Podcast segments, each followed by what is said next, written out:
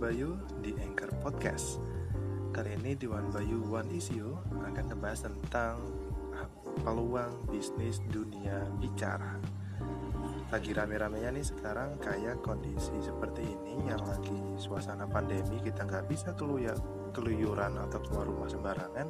Akhirnya banyak sekali orang-orang yang memilih usaha atau bisnis atau pekerjaan yang dikerjakan dari rumah atau biasanya lebih dikenal dengan work from home.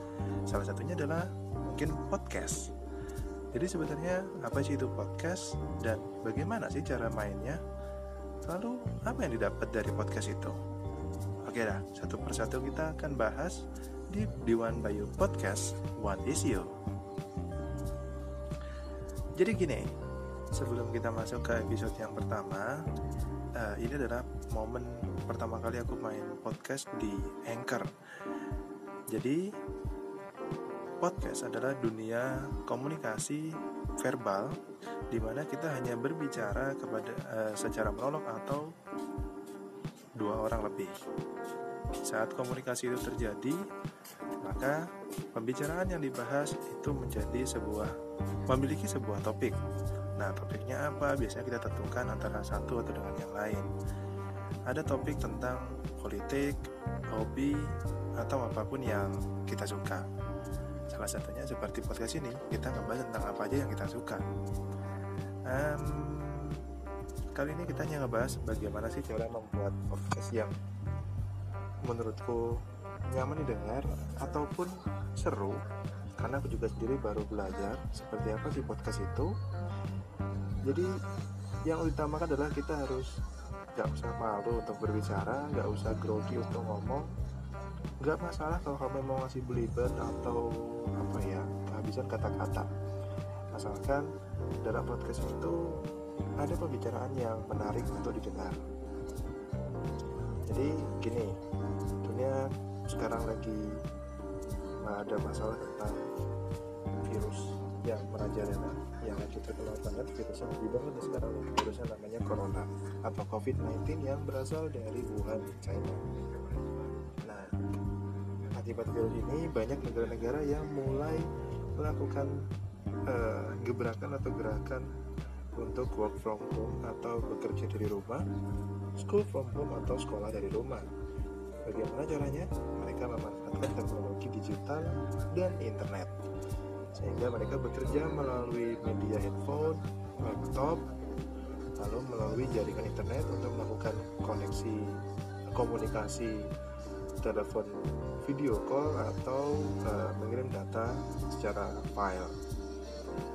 Nah, salah satu yang menarik di era pandemi seperti ini adalah podcast. Podcast itu sekarang lagi merajalela banget loh. Jadi ada banyak sekali orang-orang yang bikin bikin podcast gitu loh salah satunya kalau di Indonesia ya ada Om Deddy Kobuser yang pertama kali meran, eh, apa, membuka jalan tentang dunia podcast itu Om Deddy Kobuser ada Raditya Dika juga mungkin banyak dan nggak bisa sebut semua. Satunya aku. Sekarang aku juga bikin podcast. Kenapa sih bikin podcast?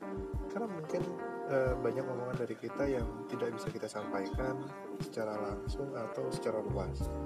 Ada informasi yang kita miliki atau e, apa keahlian yang kita punya tapi kita nggak bisa nyampaikan ya mungkin media podcast sebagai salah satu medianya ketimbang kita harus ketik di Twitter, Instagram ataupun Facebook yang penting kita ngobrol aja nah dengan podcast juga kita bisa ngobrol bareng uh, praktisi atau ahli-ahlinya di bidangnya masing-masing.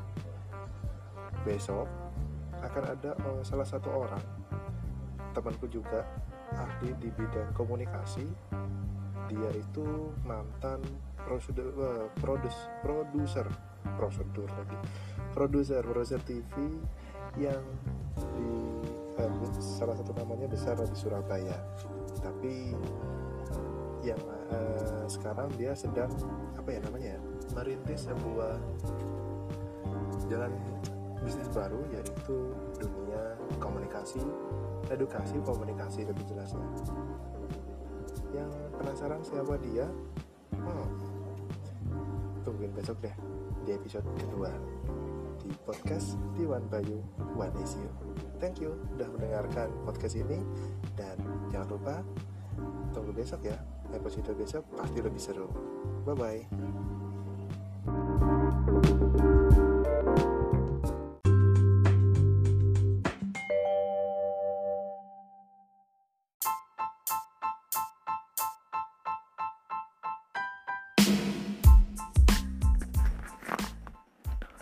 Oke ketemu lagi sama aku Diwan Bayu di Diwan Bayu Podcast One Is You.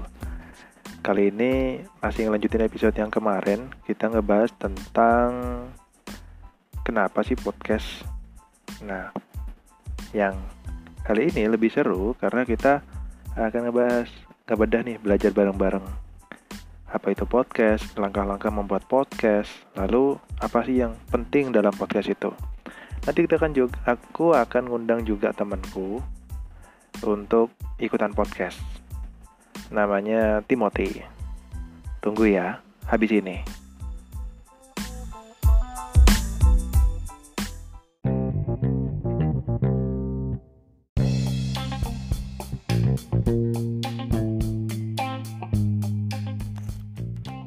Oke okay guys, masih sama aku Diwan Bayu di Diwan Bayu Podcast One Asia. Nah, ternyata uh, sambil nunggu temanku si Timothy, dia belum siap-siap ternyata katanya masih persiapan, prepare dulu nungguin sinyal. Ya sambil nungguin kita ngebahas dulu deh tentang apa itu podcast, langkah-langkah membuat podcast. Ini aku sambil browsing, searching di internet, ternyata podcast itu ada di tahun mulai tahun 2000-an 2013 dulu masih namanya RSS apa gitu namanya itu. Nah aplikasi Anchor sendiri ini ada sudah tahun 2013 dibuatnya jadi podcast itu sebenarnya media dulu dibuat tujuannya seperti aplikasi Snapchat kayak kita posting-posting. Kalau Snapchat kan ada foto, video, kayak Instagram gitu kan. Cuman kalau ini tuh kayak kita curhat atau cerita di podcast itu. Jadi kita ceritain kegiatan kita atau ada informasi yang mau kita sampaikan itu lewat podcast. Dari Amerika. Amerika sana tuh emang orang-orang lebih banyak bersuara karena mereka ingin menyampaikan sesuatu tapi bingung gak ada wadahnya. Jadi di podcast lah atau RSS feeder namanya. Nah RSS feeder itulah media mereka untuk menyampaikan informasi ataupun apa pun yang mereka mau sampaikan. Oke nah kali ini aku kan pakainya aplikasi Anchor nih. Kita ada beberapa langkah-langkah membuat podcast. Yang pertama ini aku kasih kita juga sering belajar ya. Aku juga baru search sambil cari-cari bagaimana sih memulai dan cara membuat podcast? Makanya itu aku bikin episodenya itu tentang kenapa sih podcast? Karena di Indonesia sendiri podcast lagi hype banget lagi rame. Apalagi gara-gara itu loh gara-gara podcastnya di Kobuser Close the Door. Wah rame banget. Cuman kan dia uh, modalnya gede itu. Kamera mahal uh, audio micnya mahal studionya mahal timnya juga orang-orang mahal. Ya ada modal ada hasil yang bagus juga. Tapi jangan salah. Dari biasa-biasa aja juga sebenarnya banyak kok. Yang penting kan kita isinya aja dan kontinuitas. Oke ini aku juga belajar buka search di Google ini adalah langkah-langkah membuat dia search cara menjadi podcaster itu seperti apa? Nyata muncul di halaman Google itu langkah-langkah membuat podcast. Yang pertama yaitu memilih topik podcast. Alur kerja atau yang pertama adalah topik untuk podcastnya itu apa dulu yang kita tentukan? Nah, yang kedua, format podcast. Kalau sudah tahu topiknya apa yang mau dibahas, baru kita bikin formatnya, menentukan format podcastnya itu gimana. Udah disusun nih topiknya, oh ketemu apa yang aku nih mau bahas tentang kali ini. Memang topiknya adalah talk about you like, talk about you like. Jadi apa yang kita, apa yang kamu suka, apa yang aku suka, kita bahas bareng. Entah itu nanti kesukaan tentang kuliner, wisata, hobi, atau apa pun ya itu kita bahas itu temanya nih topiknya nah kali ini topiknya yang aku ambil adalah hobi hobi berbicara ya aku bikin tentang episode pertama uh, kenapa sih podcast? Itu judul episodenya. Formatnya aku lebih banyak akan seperti kayak gini nge-search cerita tentang uh, data-data informasi yang dari Google atau dari web yang aku temuin. Kemudian aku undang teman-temanku yang berkompeten di bidangnya. Salah satunya seperti Mas Timothy ini. Mas Timothy ini juga orang yang uh, kerjanya di bidang komunikasi. Nanti kita hubungin nanti kontak. Ini masih nunggu dia kemudian setelah dari format ada produksi mulai kita membuat nih record terus edit kita tambahin audio sound effect nah kayak gitu publish deh kita upload di Anchor, Spotify, atau apa pun. Dan yang kelima adalah promosi. Kita mempromosikan diri kita sendiri, podcast kita sendiri melalui media sosial kita masing-masing. Kita promoin, kita share, share link, share link, share link, biar mereka pada dengerin dan makin banyak yang pakai podcast uh, aplikasi podcast Anchor itu. Itu ada 5 tips langkah membuat podcast. Mungkin nanti ada yang uh, lebih spesifik dari temanku Timothy. Ya, kita tungguin aja deh. Tunggu ya, habis ini ya, aku kontak lagi Timotinya. Jangan ke mana-mana, tetap di Tiwan Bayu Podcast. One is you.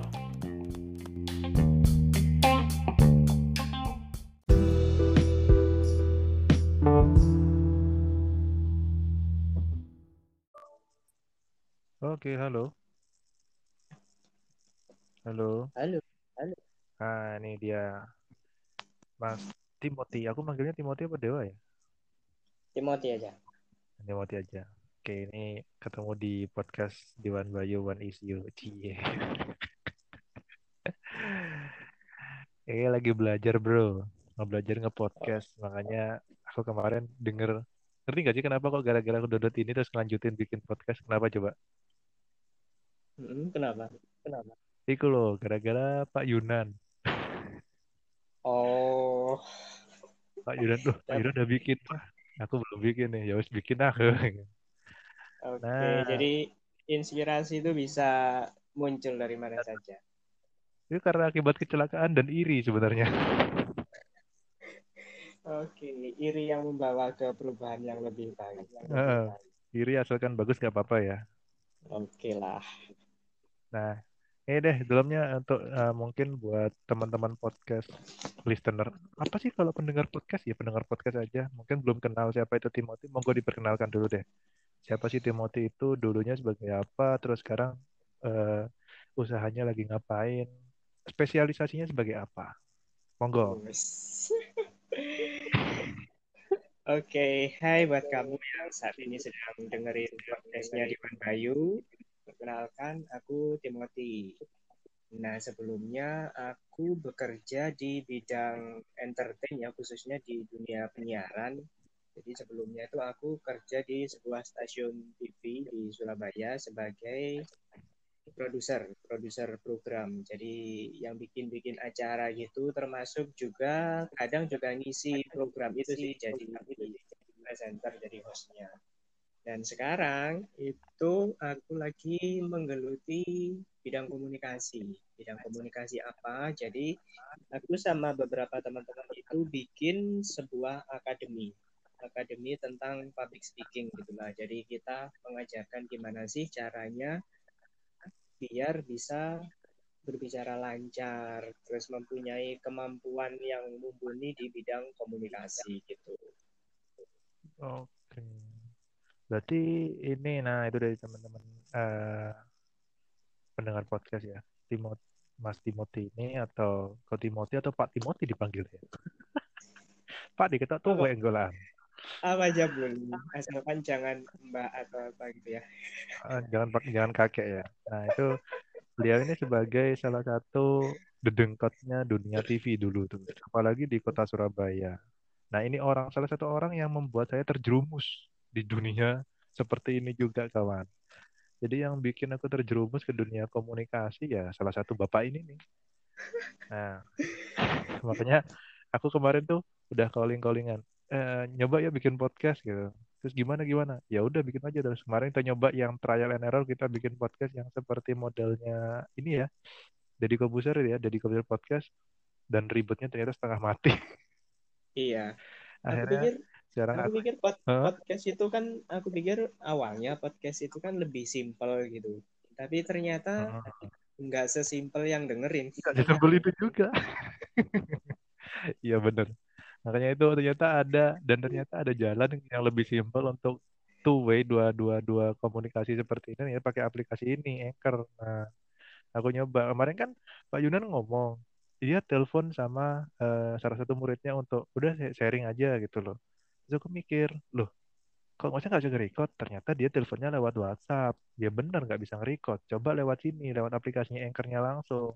Anak-anak suruh download Anchor mereka ngefavorit apa ngefollow Anchor-nya si Pak Yunan ya udah langsung aja. Kayak gini ini jadi akhirnya. Iya, nah tapi sekarang kita, baik lagi deh. kita bukan, hmm? kita bukan promosi untuk aplikasinya loh ya. Gue Anchor-nya ya? Bukan bukan bukan. Belum dibayar pak. promosikan kita cuma excited aja dengan adanya aplikasi ini kita lebih dimudahkan.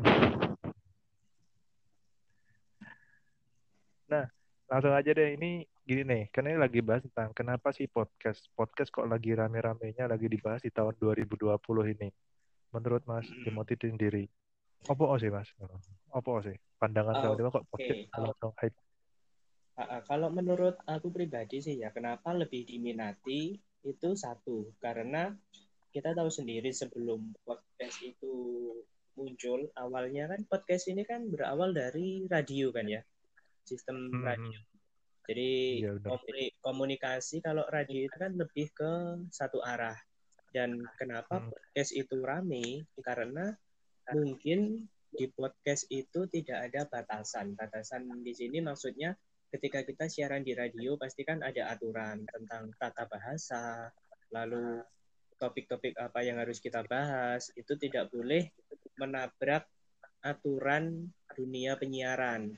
Tapi kalau di podcast itu lebih bebas dan generasi-generasi sekarang seperti generasi milenial itu kan mereka lebih menyukai bahasan yang menjadi favorit mereka dan itu mungkin tidak ditemukan di radio-radio yang saat ini sering kita dengar gitu.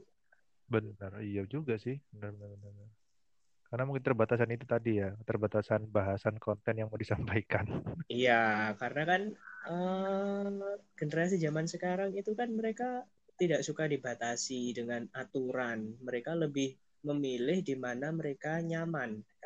Aku suka yang seperti ini, ya udah aku pilih channel ini. Aku suka bahasan yang seperti ini, aku masuk ke ruang diskusi yang ini. Sama seperti podcast. Mereka lebih kan ada banyak pilihannya kan uh, yang sesuai dengan hmm. kesenangan mereka itu apa akhirnya mereka masuk di salah satu channel podcast tersebut hmm. mungkin seperti itu nah. menurut menurut aku ya mungkin dari ah. teman-teman pendengar mungkin ada yang lain mungkin Iya, itu biarkan mereka juga mungkin punya opini masing-masing. Ini kan opini pribadi, jadi iya. jangan dijudge lah. Mm -mm. Nah, terus terus menurut Mas Timothy ini kan komunikasi podcast itu berarti menggunakan verbal, otomatis komunikasi yang berbicara uh, tanpa terlihat fisiknya. Mm-hmm. Nah, gimana mm-hmm. sih? Kan tadi kan di segmen sebelumnya, segmen pertama waktu ini kan episode pertama dan segmen sudah segmen ketiga, satu dua tiga, oh iya keempat paling, tiga atau empat lah aku lupa. Baru lahir tanggal satu Oktober, sekarang udah tiga episode.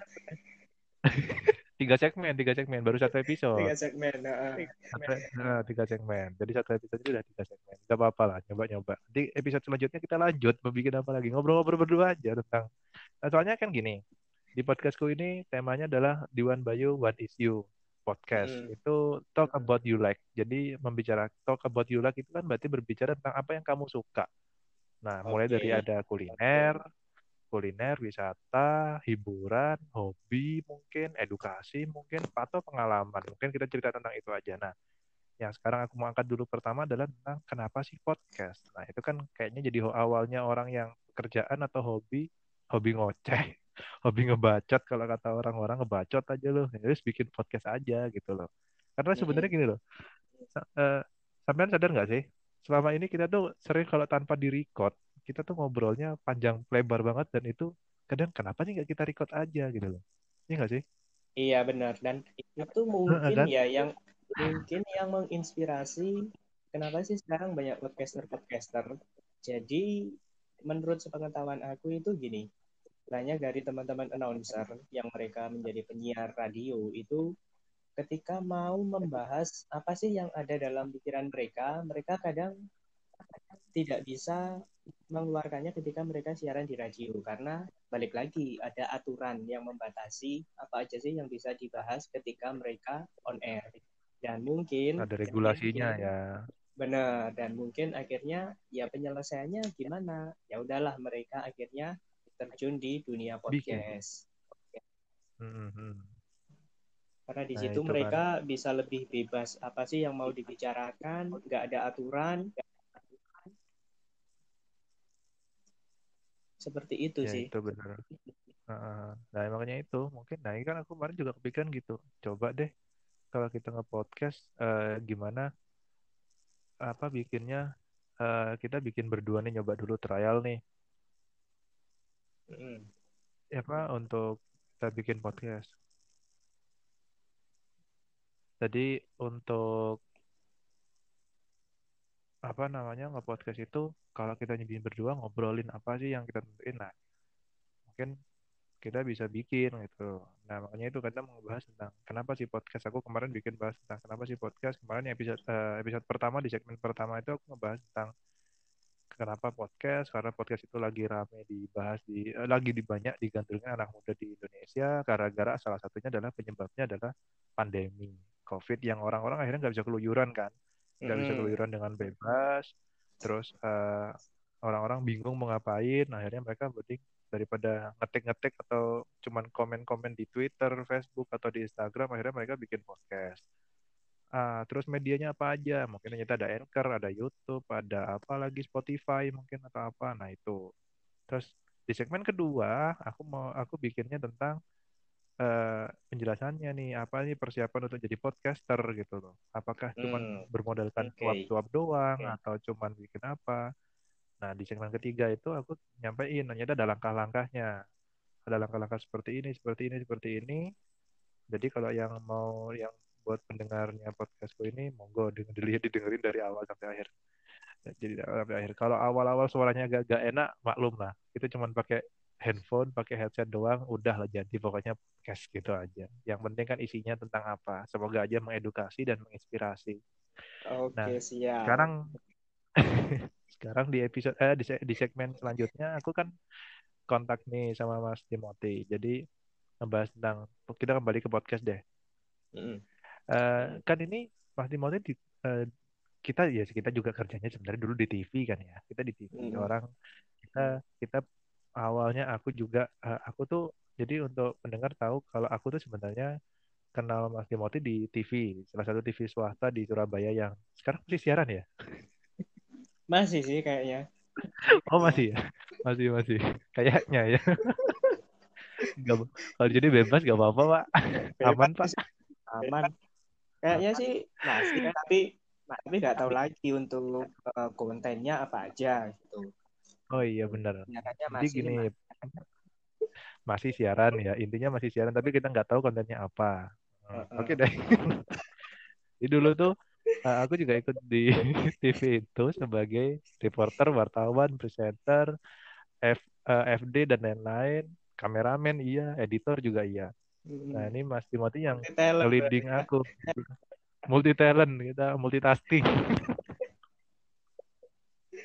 nah Mas Timothy yang nge-leading aku nih ya kan? Mas Timothy kan kalau dulu kan di TV aku diajarin tentang bagaimana ambil gambar nih. Ambil gambar terus angle terus konsep materi terus kemudian briefing uh, host dan talent kemudian editingnya dan bikin berita 5W1H terus wawancara narasumber angkat topik atau angkat tema. Nah ini kan Mas Timothy sekarang beralih ke dunia komunikasi yang eh, beda sedikit, beda dikit, nggak jauh-jauh banget sih bedanya, beda dikit, tapi eh, halnya banyak yang berubah gitu loh. Heeh. Sulit nggak sih sebenarnya Ah. untuk untuk mengatasi itu? Jadi beradaptasi lagi ke dunia seperti ini. Kalau untuk adaptasinya nggak terlalu sulit ya, Eh, tapi lebih ke gini.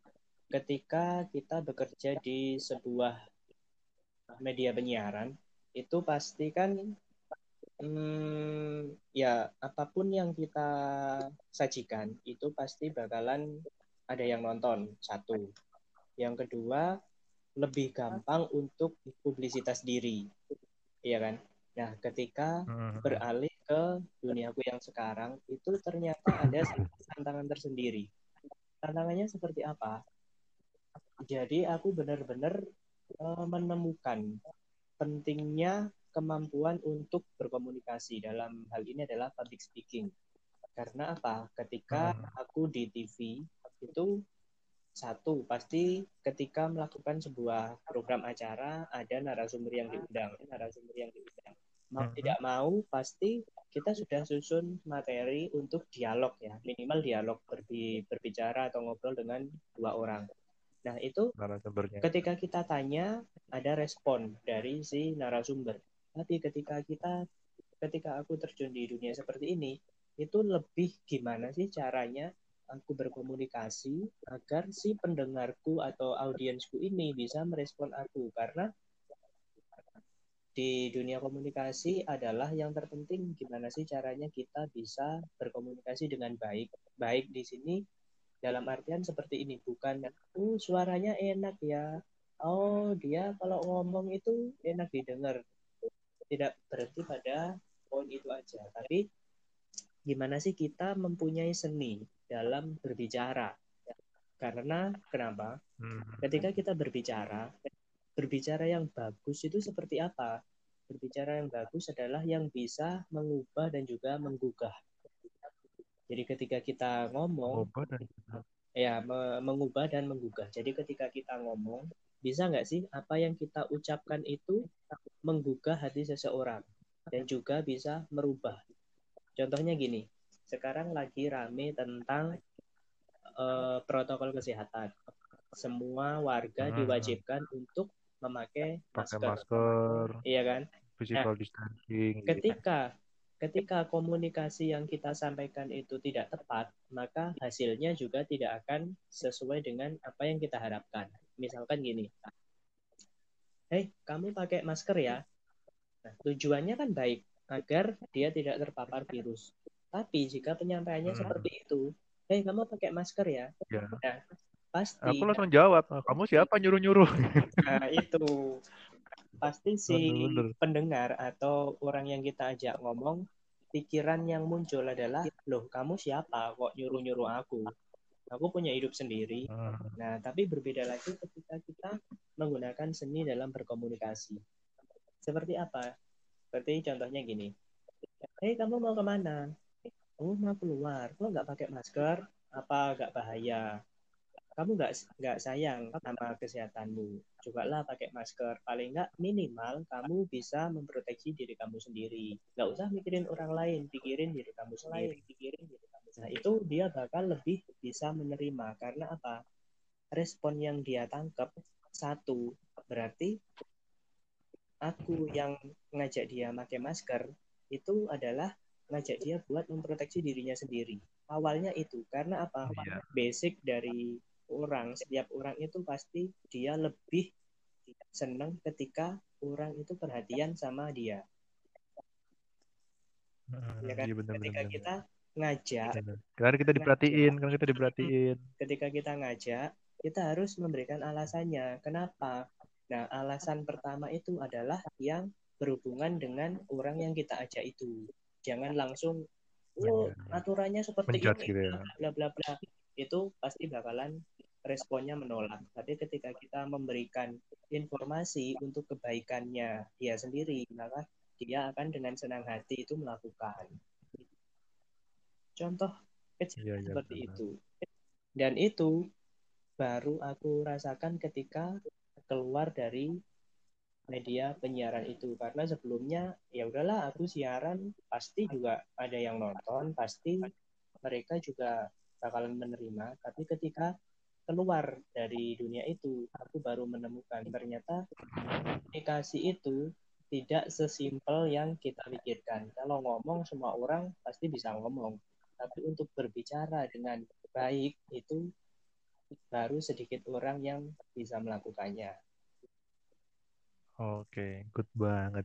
Wah, berarti aku garis bawain bahwa kalau kita mau eh, ngomong bisa, tapi bicara itu nggak semua orang bisa. Ya. Karena berbicara itu tadi itu yang aku garis bawah adalah seninya adalah bagaimana kita bisa mengubah dan bisa menggugah. Mm-mm. jadi Ini enggak sih? berbicara itu bukan sekedar ngomong bedanya apa sih kalau ngomong ya ya seperti kita ngobrol biasa, tapi ketika kita berbicara Hmm. itu harus ada polesan seni yang kita masukkan ke dalam komunikasi kita. Karena tujuannya apa? Oke. Agar orang itu tadi tergugah dan juga terubah. Hmm, mereka berubah. Oke, oke. BTW, tadi ngebahas tentang kalau eh, ini adalah yang akhirnya Mas Timothy eh, dapat karena maksudnya karena didapatkan ini yang baru, hal baru dan baru dirasakan, baru diimplementasikan setelah keluar dari eh, media televisi yang sebelumnya. Itu mau tanya, boleh nggak sih? Iya, ha? Cak Jane itu keluar apa dikeluarkan, bro? Nah, ini juga, juga masih simpang siur. Karena kan ya kita tahu Oh, kan orang. kondisi pandemi seperti ini kan. Satu, pasti Iya, iya, iya. jam kerja dibatasi. Yang kedua, pasti kita juga Hmm. merasa insecure kan ketika sering keluar rumah apalagi di media penyiaran pasti ya kita dituntut untuk bertemu dengan banyak orang kan setiap hari Orang-orang ya, orang-orang. nah benar dan di tempatku kerja yang dulu itu itu tidak ada hmm, semacam apa ya pengamanan dari Jaminan. ah, jaminan kesehatan untuk mereka orang-orang yang terjun Ya, ngomongin di aja semua, nggak apa-apa. jadi kan ya buat apa kita risiko untuk diri kita sendiri kita capek-capek kerja eh, menghabiskan waktu tenaga pikiran untuk membesarkan usaha orang lain. Nah dari situ aku baru ya, dengan adanya covid ini aku baru tersadarkan dan juga ini merubah pola pikirku ya.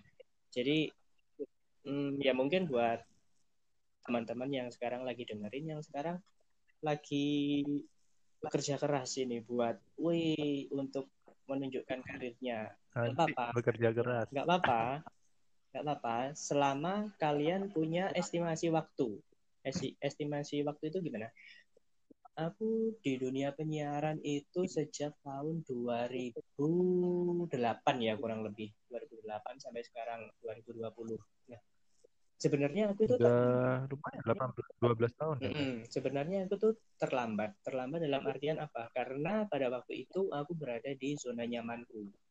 Jadi, alah, aku Ah. sudah kerja di sini aja.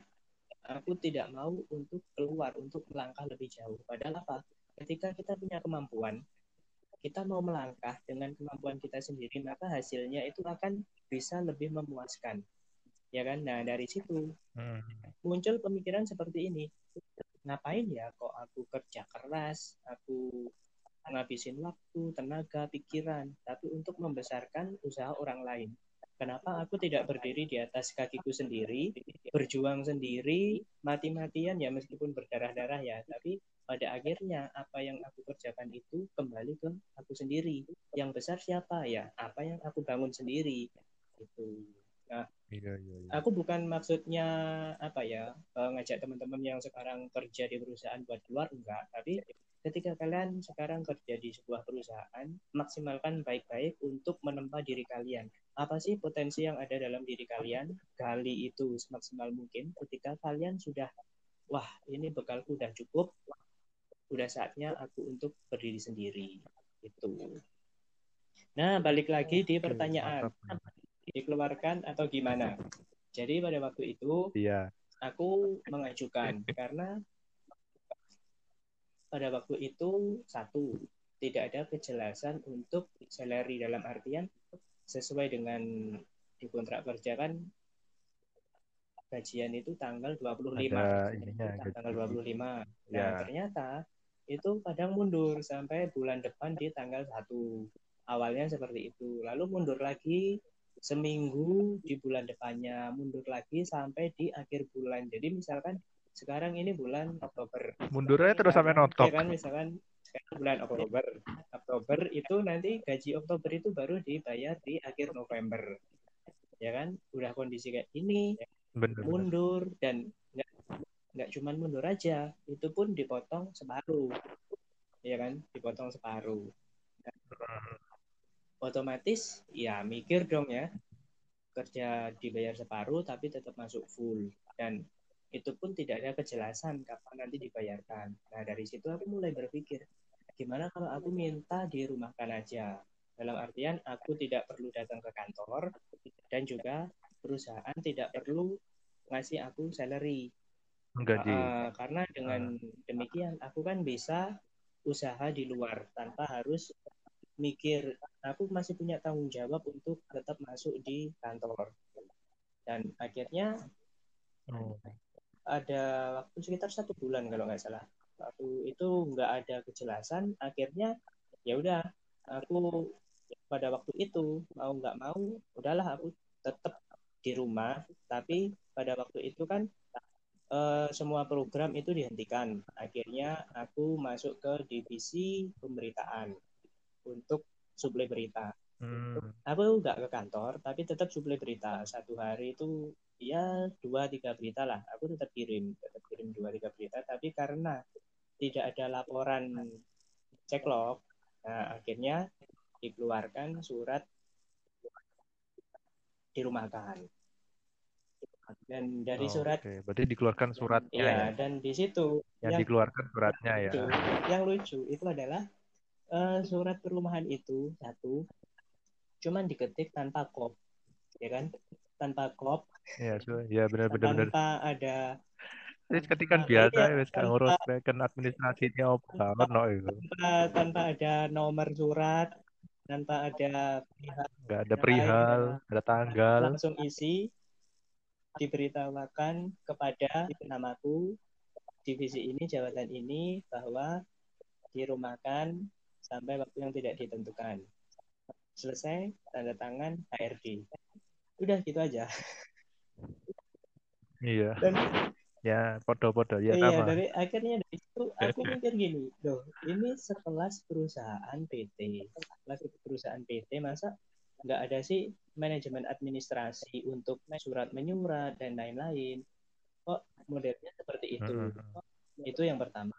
Kayak dianggap remeh gitu hmm, aja itu yang pertama. Lalu yang kedua ketika bekerja di situ itu kan ada yang namanya kalau aku aku sebagai karyawan lama kan itu ada namanya iuran operasi bulanan yang dipotong dari salary.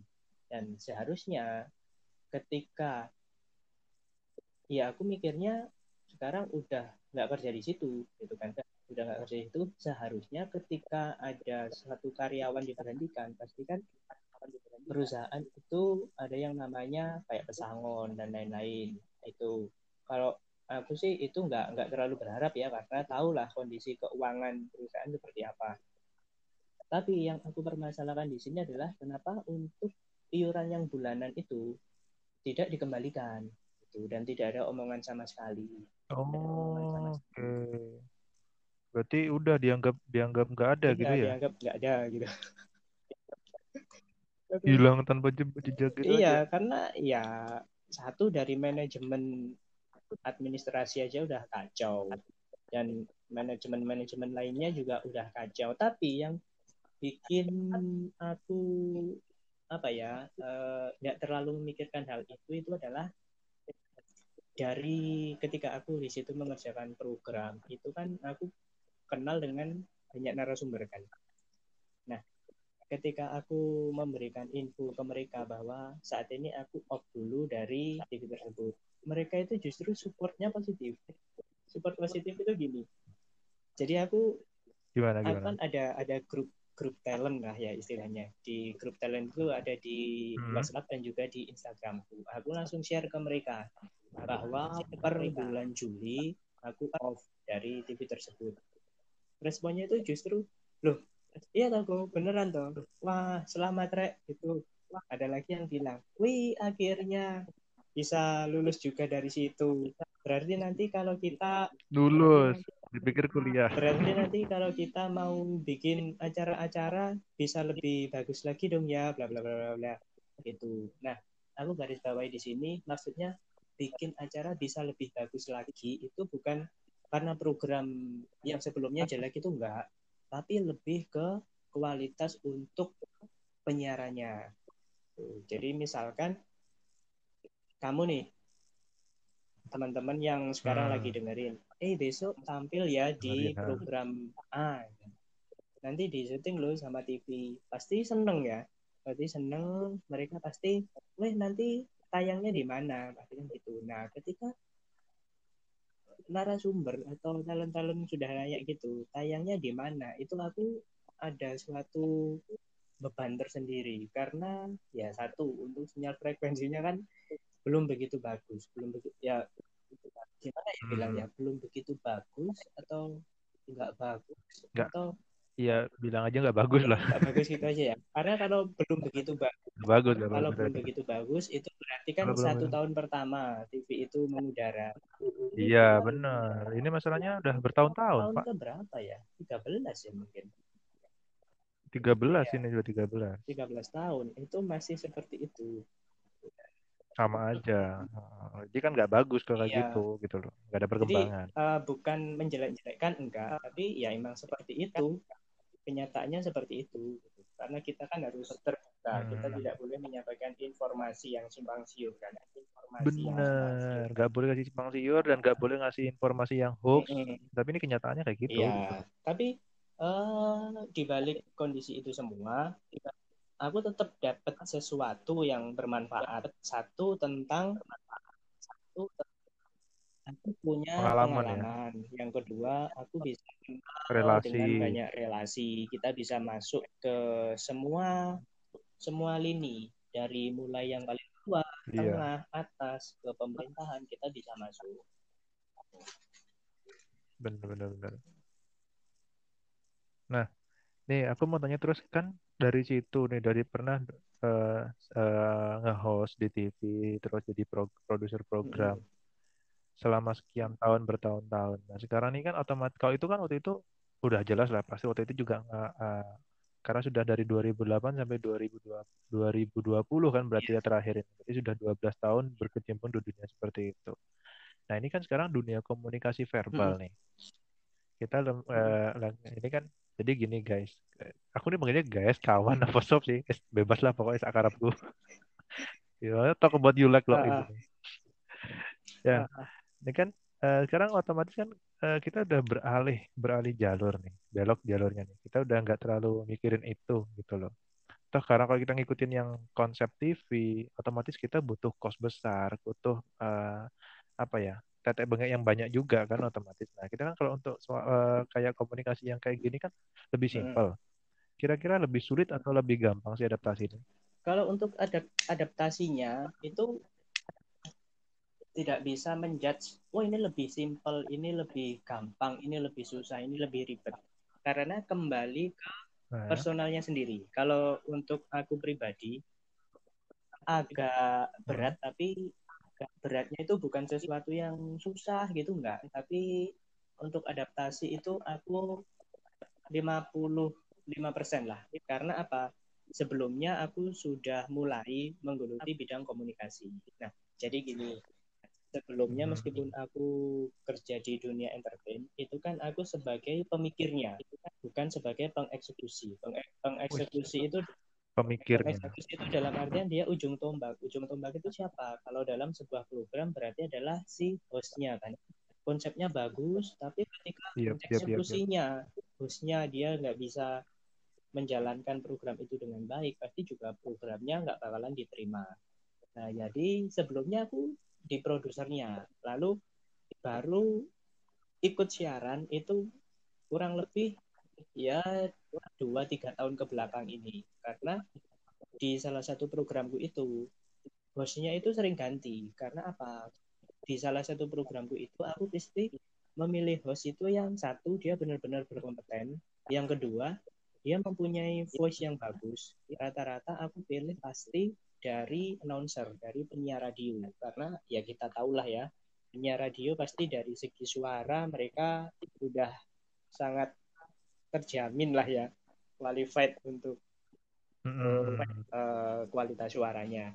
Nah, itu yang agak susah karena apa?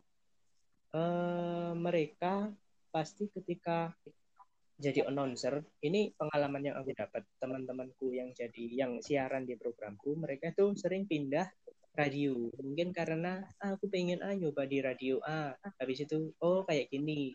Mereka Oh, pengen lagi oke. oh aku pengen pindah ke radio B gitu kan. Nah, itu udah udah jadi hal yang biasa untuk seorang announcer. Akhirnya dari kondisi tersebut jadwalnya kan susah untuk komunikasikan akhirnya sering bentrok ganti lagi ganti lagi ganti lagi.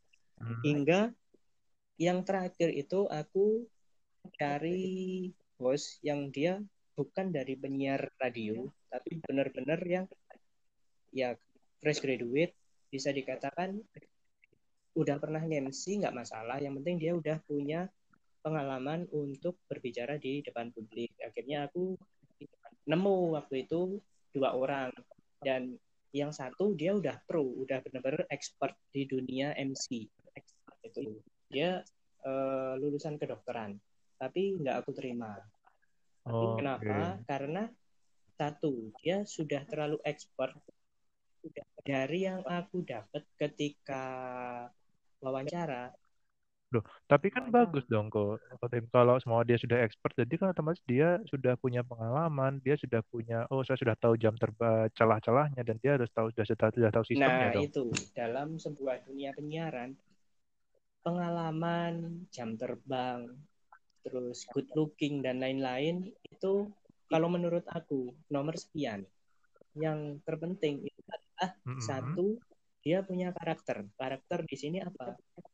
Kenapa aku nggak memilih yang si A tadi yang dia sudah expert? Dari ketika aku wawancara dia punya karakter, oh aku ini udah pro loh. Berarti aku harus gini gini gini gini. Akhirnya Oh, aku ambil dia, dia bakalan eh, merubah konsep karena dia ingin siarannya itu seperti konsep karakternya dia. Nah, karakternya dia pada waktu itu pembawaannya adalah pembawaan secara formal. Sedangkan program programku Oke. ini adalah program yang untuk pengisinya itu mulai dari anak-anak sampai mereka yang mahasiswa otomatis bahasanya harus fleksibel dong kan ketika dengan anak-anak Iya, iya, bahasanya juga benar. harus seperti. Masa bawa pakai acara acara kayak acara mantenan Iya. kan nggak seru kalau bawa acara anak Nah anak. itu. Terus akhirnya ada lagi yang kedua. Yang kedua ini dia udah sering MC tapi belum terlalu pro lah ya. Tapi dari situ aku lihat oh ini bisa sih masih masih bisa untuk di hire untuk di eh, diarahkan ke sini programnya seperti ini seperti ini dan akhirnya oke lah aku ambil si presenter yang ini gitu dan dari situ ternyata satu dari segi kemampuan dia udah biasa dalam artian udah biasa terjun dengan banyak orang udah biasa berbicara di depan umum. Ketemu Eh, orang. Dari PD-nya udah dapat cuman untuk dari tata bahasa dan lain-lain ketika siaran itu masih agak kacau. Nah dari situ akhirnya terus bisa dipoles-poles gitu ya dipoles akhirnya dapat feel-nya dapat karakternya dapat dan di situ akhirnya apa? Aku itu ditantang. Kamu gak berani atau buat siaran sendiri dan lain-lain. Pada waktu itu aku ya ngapain aku siaran? Karena kan aku di situ sebagai produsernya. Tapi aku juga mikir iya ya kenapa ya nggak nggak dicoba? Karena pada dasarnya aku tuh bukan orang yang suka ngoceh di depan umum bukan karakter orang yang gampang diajak ngobrol langsung ngeh dan lain-lain. Tapi karena iyalah gak apa-apa lah coba wong ini programku sendiri. Kalau jelek ya nggak usah dilanjutkan. Kalau misalkan oke ya lanjut aja. Akhirnya tandem kita tandem. Kita tandem jadi waktu itu dia Oke. sebagai hostnya aku sebagai co-hostnya. Awalnya wih aku bingung. Bingungnya ternyata ngajarin dengan mempraktikkan itu beda jauh. Kalau ngajarin secara teoretis itu gampang karena aku udah dapat ilmunya waktu eh, aku kuliah dulu kan. Ternyata setelah diaplikasikan Hmm. tidak segampang itu. Satu dari ngomong medok yang kedua bahasa. Ketika awal opening aku sudah dengan bahasa Indonesia yang baik dan benar tapi ketika sudah on fire ngobrol akhirnya ya bahasa Surabayanya keluar. Lalu yang paling susah dikontrol adalah emosi emosi itu bukan bukan kita marah itu enggak tapi emosi ketika kita sudah cair dalam suasana itu nah itu itu harus bisa Iya, iya, iya. Jadi katutan katutan emosi Iya, ngono harus ya. ada manajemen untuk kontrol emosi gitu. Dari situ aku oh ternyata Oke. kemampuanku untuk MC itu jauh lebih buruk daripada MC ku sendiri. Akhirnya di situ aku mulai sharing, Loh, loh. mulai sharing gimana ya cara pengaplikasiannya. Secara teoritis aku udah dapat, tapi secara pengaplikasian aku nol sama sekali. Jadi akhirnya aku mulai lihat lihat lihat teman-temanku yang siaran radio dan juga siaran TV itu seperti apa. Dari situ aku baru menemukan ternyata announcer dan juga presenter itu beda dari segi tata bahasa, dari segi uh, pengkomunikasiannya, nadanya juga berbeda. Ketika menyapa di radio itu seperti ini, menyapa di televisi itu seperti ini, dan pada akhirnya di situ aku mulai tertarik. Wah keren nih, paling nggak aku bisa belajar mumpung aku punya program sendiri. Nah di situ aku mulai belajar tentang komunikasi, Hmm. gimana sih caranya menyapa, gimana sih caranya. Padahal simpel kan ya, menyapa orang. Tapi ketika nada kita nggak pas, pasti juga respon mereka nggak bagus. Gimana caranya berkenalan. Dan di situ aku mulai tahu Istilahnya. gimana sih tips-tipsnya ketika pasti buat kamu yang sekarang lagi dengerin ada yang seperti aku seperti ini. Ketika kalian datang di sebuah forum yang baru yang kalian nggak kenal orang sama sekali, kalian pasti cenderung diem. Kalian bingung, aku mau Benar, nyapa, benar, benar. Aku ya biasanya Iya kan? aku mau nyapa, Heeh, benar. apa yang tak sapa, apa yang aku obrolin. Nah, di situ aku mu- mulai nemu formulanya gimana sih, meskipun kita nggak nggak cakap ya, bukan bukan berarti nggak bisa ngomong. Semua orang bisa ngomong, tapi ada orang yang tidak terlalu cakap ketika ngomong di depan umum. Dia pasti bingung, aku ngomong apa. Setelah kenalan, eh namamu siapa? Aku Timothy, aku kerja di sini. Selesai. Habis itu krik krik krik krik krik, krik diem. Ngeluarin HP, Iya. terus buka-buka scroll menu, ya gitu baru ngabisin laptop. Akhirnya udah kayak gak kenal lagi. Terus dia kayak Nggak gak kenal kenal mana. lagi. Ketika ketemu juga, juga Uh-uh. bingung mau nyapa. Nah, Oh iya, oke. Nah. heeh, Gitu doang. tipsnya dari aku, kalau aku boleh ngasih tips, gimana sih caranya? Orang itu lebih suka untuk bercanda, ya kan? Semua karakter orang pasti suka untuk Guyon, guyon. Nah, untuk mencairkan suasana ya udah lemparkan aja guyonan-guyonan, guyonan yang garing tapi jangan terlalu garing lah. Paling enggak yang bisa diterima, gampang diterima sama orang-orang yang ada di forum itu. Bisa ketika kalian berkenalan atau misalkan biasanya aku ketika habis berkenalan ya udah selesai habis itu mereka yang sudah saling kenal ngobrol sendiri akhirnya aku diem kayak nggak dipedulikan gitu kan nah biasanya aku di situ Iya. keluarkan jokes-jokes yang gimana sih caranya biar mereka itu interest jadi aku yang jadi point of view gitu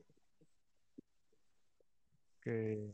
Jadi ya itu ya tadi. Tipsnya adalah berkenalan dengan cara melontarkan Hmm. jokes biar lebih diingat. Oh ini arek iki sing biyen guyoni an- anu ya ndatung Iya, ini ya. di situ pasti kan. orang bakalan lebih oh iya anak ini yang suka ngelawak tuh Lebih Nah, ingat.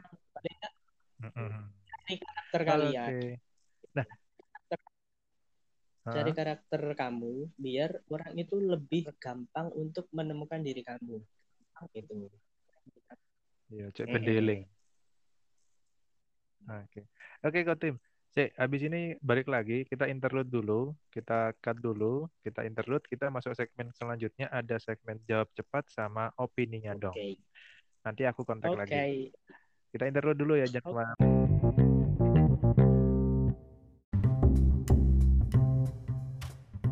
Halo, ketemu lagi. oke oke Oke, ketemu lagi nih sama masih sama Mas Timothy, sang mantan produser TV. Ah, di Mantap. segmen selanjutnya ini aku mau ngasih cuman ini doang sih. Segmen ini adalah segmennya namanya apa sih nggak tahu, cuman aku cuma kasih nama segmen jawab cepat. Bukan dijawab dengan cepat ya, maksudnya jawabannya bukan cepat tapi pilih dengan cepat. sudah cermat malam-malam udah jelas malam-malam. Iya keren udah tadi yang segmen sebelumnya tuh kita udah ngebahas tentang eh, siapa sih Mas Timothy ini, terus pengalamannya sudah ternyata 12 tahun di dunia eh, apa ya media televisi, media penyiaran, sudah segitu lama berkecimpung terus ada ternyata ada uh, suka dukanya. Kemudian ternyata ada yang tidak sesuai ekspektasi ada yang oh ternyata seperti ini ada pengalaman baru ada relasi baru. Jadi mungkin teman-teman pendengar podcast ini yang mendengarkan kalaupun dari awal mungkin kita kayak apaan sih nih podcast ya, tapi ternyata di belakang-belakangnya itu ada kita dapat salah satu inspirasi gitu. walaupun kita belum dikenal banyak orang ya bro belum belum ya semoga saja apa yang kita obrolkan di sini itu bisa menginspirasi banyak orang dan bisa mengedukasi banyak orang ah benar tuh harus tuh harusnya itu tadi ceritanya Oke, langsung aja deh ke segmen selanjutnya jawab cepat, pilih dengan cepat. TV hmm. atau media? Media. Kerja mandiri atau ikut perusahaan? Mandiri dong. Public speaking atau YouTuber? Public speaking. Podcast atau radio? Podcast. Hobi dulu apa cari uang dulu? Hobi dulu kalau aku ya. Oke, kita sekarang kita bedah nih. Tadi yang pertama TV atau media jawabnya media. Media. Kenapa tuh? Karena media itu tidak terkotak pada satu platform ya. Karena kita sekarang hidup di dunia kalau sudah dibilang kita sudah masuk di 4.0 kan ya sekarang. Nah kita itu tidak bisa berhenti atau stuck pada satu titik kita harus bisa apa ya uh, multiple ketika oh di sana Dinamis, gitu. kita uh, ketika di sana kita bisa juga di sini kita juga kenapa enggak gitu. kalau kita cuma stuck pada satu titik cuman terkotak pada, pada satu dunia kita kita tidak akan bisa tahu dunia lain kita tidak akan pernah gimana sih caranya untuk mencoba sesuatu yang baru dan siapa tahu dari hal baru tersebut itu justru juga bisa mendapat bukan cuma sekedar rezeki tapi mungkin ilmu kita bertambah dari situ. Iya iya iya. Karena sekarang kan kalau dulu sih memang TV yang utama dulu tuh. TV, TV itu adalah suatu media yang hmm, prestis ya, prestisnya tinggi dan itu sulit dijangkau. Berarti sampai sekarang udah Kamu mau Berarti menurut bukannya enggak bukannya bukannya enggak prestis enggak, tapi gini, uh, aku kasih gambaran. Kalau kita mundur ke 10 sampai 7 tahun yang lalu, ah aku mau jadi artis, aku mau jadi penyiar, aku mau jadi orang yang kenal. Berarti kita larinya harus ke televisi. Iya benar. Dan tidak semua orang itu bisa menjangkau untuk ke televisi. Tapi dengan perkembangan teknologi yang sekarang aku mau jadi terkenal nggak perlu lari ke TV kita bisa pakai platform yang kita punya. Misalkan kita punya medsos kita punya Instagram kita bisa kok jadi selebgram. Selebgram juga menghasilkan selebgram juga bisa open endorse. Oh, lebih banyak ya. Kalau misalkan uh, uh, uh, ah di Instagram sudah terlalu rame artisnya bisa kok beralih di TikTok. Di situ apa yang ada dalam diri kamu apa yang bisa kamu kembangkan di situ? Bisa menghasilkan pundi-pundi uang buat kamu. Tiktokers ala cuman joget-joget gitu aja. Nggak cuman gitu aja karena aku pun ketika melihat prakteknya susah ya? cuman joget gini ah cuman joget gini tapi kok bisa ya dia terkenal. Ketika kita mau mencoba kalau passion kita bukan di dance juga susah.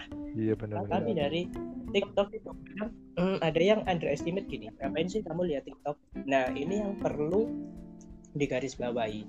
Jangan menyalahkan platformnya tapi salahkanlah dia yang mengisi karena kenapa sih dia cuma ngasih uh, ngasih tontonan seperti itu tanpa ada unsur edukasinya? Kalau aku lihat TikTok banyak kok uh, dari teman-teman tiktokers itu yang dia ngasih edukasi misalkan seperti uh, gimana sih caranya marketing ketika kita jualan online. Nah di situ aku sering lihat-lihat yang konten-konten seperti itu. Nah, kenapa dia bisa rame? Balik lagi karena dia punya passion. Passionnya apa? Tentang public speaking. Gimana sih caranya menyampaikan suatu informasi kepada publik dan itu bisa diterima. Ketika yang nonton banyak, berarti apa yang dia sampaikan itu bisa diterima oleh si pendengarnya. Ada juga yang dengan dance-nya itu dia memberikan sebuah informasi jadi nggak berhenti ketika kita menyampaikan suatu informasi kita mau show off tentang diri kita. Itu harus dengan sesuatu yang ah ini susah orang lain seperti ini. Kita nggak harus meniru orang yang sudah berhasil temukan karaktermu sendiri dan jadikan itu sebagai asetmu Oke. gitu jadi kalau suruh milih media media ya media karena media nggak cuma televisi Oke, karena lebih akhirnya berarti lebih banyak ya wadahnya kita mau kita mau jadi apa gitu kan. benar Oke, selanjutnya tadi kan kerja mandiri atau ikut perusahaan milihnya kerja mandiri. Nah, kenapa tuh? Padahal kan banyak kan orang juga pasti udah mending ikut perusahaan dulu, ikut orang dulu kerja gini, buat ini, buat itu, kerja ini, ngumpulin uang malah nggak usah ini, malah tuh. Kok milihnya malah kerja mandiri? iya seperti seperti yang aku bilang tadi kerja mandiri oke tapi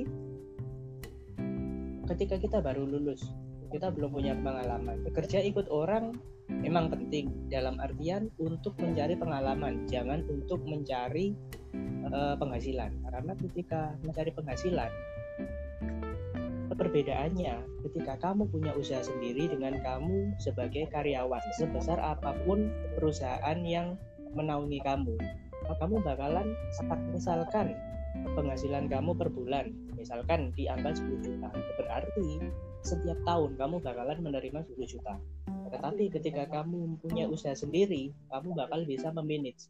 Bulan ini aku mau incomeku berapa? 10 juta. Berarti aku kerja dengan durasi seperti ini dengan sistem kerepotan seperti ini. Tapi ketika bulan depan aku minta aku mau penghasilanku dua kali lipat berarti 20 juta.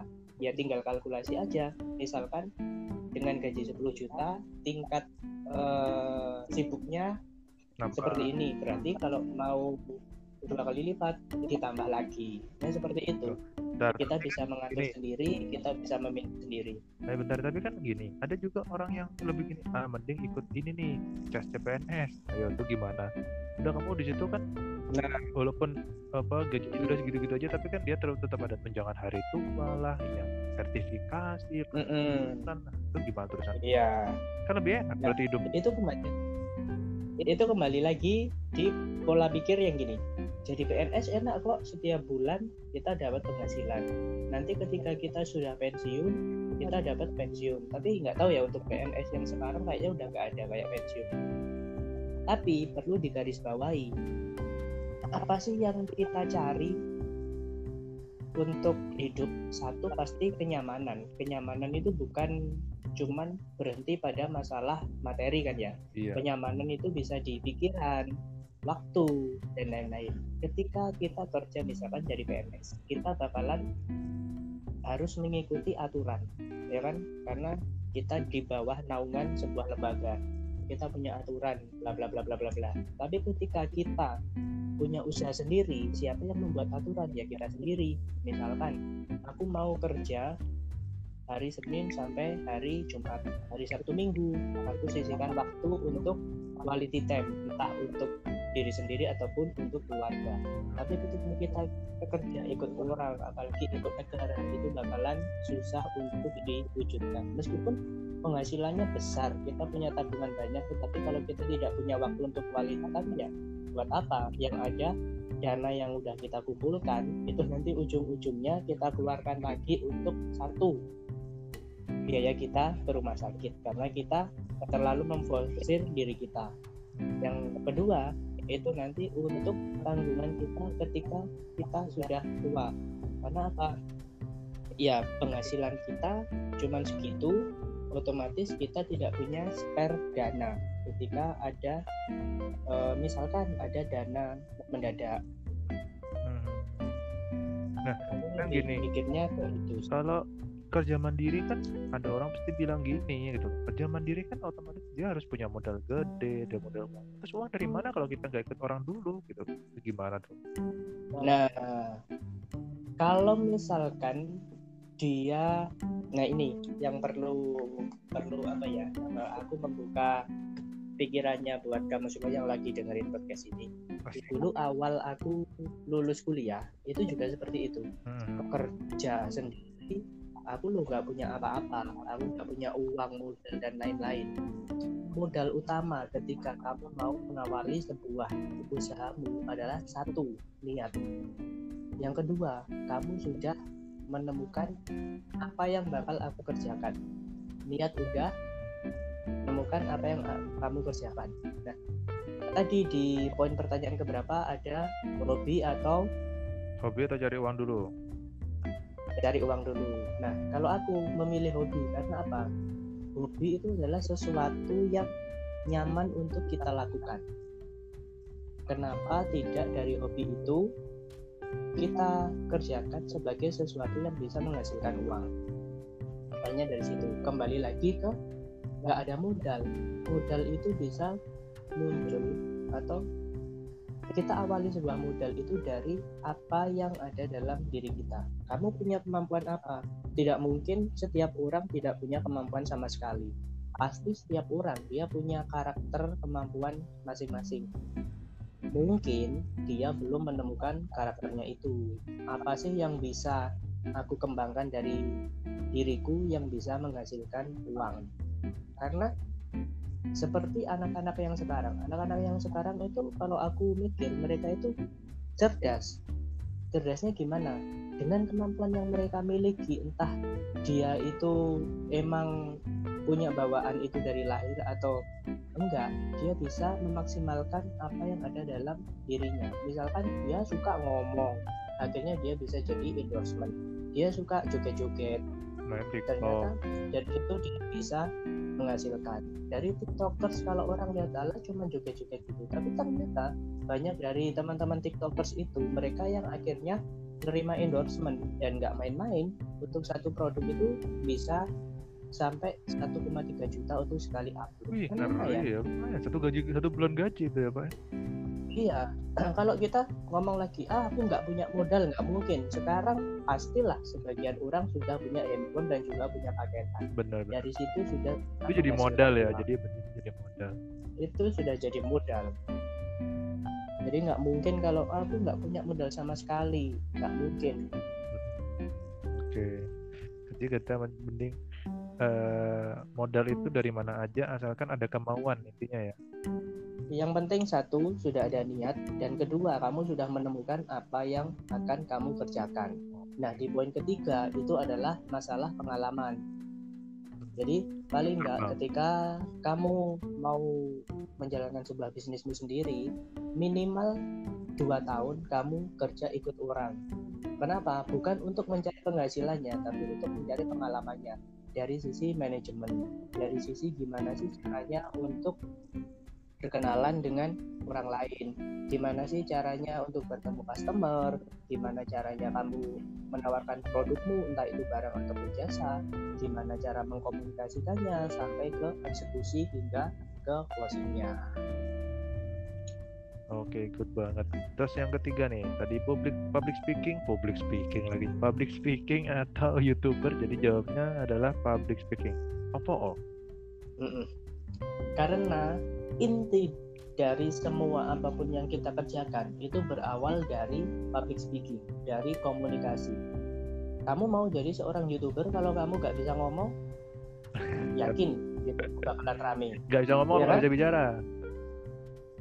Gak bisa bicara, ya, artinya ya pasti kalau ngoceh itu gampang, tapi ketika ngocehmu yang kamu keluarkan di YouTube itu tidak terkonsep, acak-acakan ya pasti orang bakalan males malas dengerin. Nonton. Oke. Okay. Lalu selanjutnya yang keempat tadi podcast atau radio milihnya podcast. Nah, podcast. Cocok nih. Kenapa nih? Karena kita bisa explore apa yang ada dalam pikiran kita. Kita bisa lebih berkembang di situ untuk aku hari ini atau untuk episode ini aku mau bahas apa ya? Itu sesuai dengan karakter kita dan kita bisa angkat isu dari pendengar-pendengar kita. Misalkan dari kamu nih yang lagi dengerin eh, aku ada konsep menarik nih kayak gini. Nah mungkin juga bisa kita bahas tapi kalau di radio kita kan pasti sudah ada sistem aturan.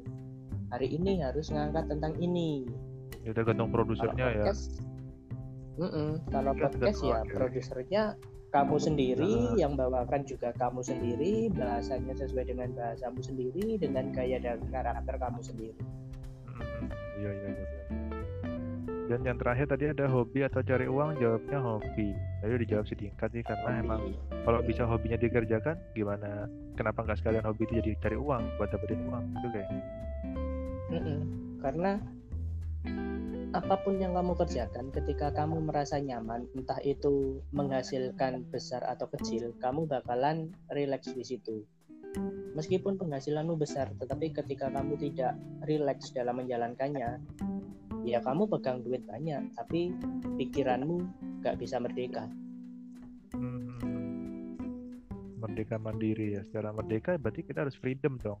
Ya harus harus bebas mau mengekspresikan apa pun yang kita mau berarti kan. Mm-mm. Karena kita hidup di negara demokrasi. Oke deh, itu tadi jawaban cepat dari seorang mantan produser TV Surabaya. TV Surabaya ya, bukan bukan dibalik ya. Bukan. Ya, TV Surabaya. Oke. Oke, thank you. Nanti kita sambung ke segmen selanjutnya. Nanti segmen selanjutnya ada tentang opininya dong. Nah, jadi buat para pendengar podcast Dewan Bayu One Issue, jangan ke mana-mana, tetap di podcast Dewan Bayu One Issue. Thank you, Karim. Habis ini kita lanjut ke episode selanjutnya ya.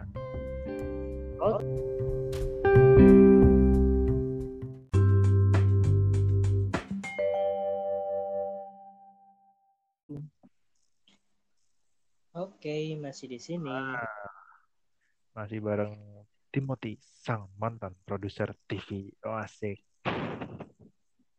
TV yang mana tuh? Nanti TV yang mana tuh? TV Surabaya. TV yang ada di kota Surabaya. Jangan dibalik. Ya. Biar gak menggiring tahu. opini publik. Iya. Biar gak menggiring opini publik. Jadi kita bilang TV yang ada di kota Surabaya. Oke. Masih di podcast Dewan Bayu, One is You, Talk About You Like. Nah, masih tadi ngebahas tentang kenapa sih podcast, dan ini adalah podcast di segmen terakhir yang aku namain opininya dong. Ada dua pertanyaan nih buat Mas Timothy. Satu, kasih opini aja nih ya, kasih opini. Opini tanpa menjudge sesuatu pihak atau suatu apa pun, opini aja pribadi. Biar nanti yang menilai ya, mereka mungkin pendengar juga punya opini masing-masing nggak ya? Kan ya? Oke deh, karena kita tidak punya hak untuk menjudge ya. Iya, yang punya hak itu cewek biasanya kalau mau ke mall pakai sepatu, sepatu hak. Sama anak kecil, anak kecil. Kenapa?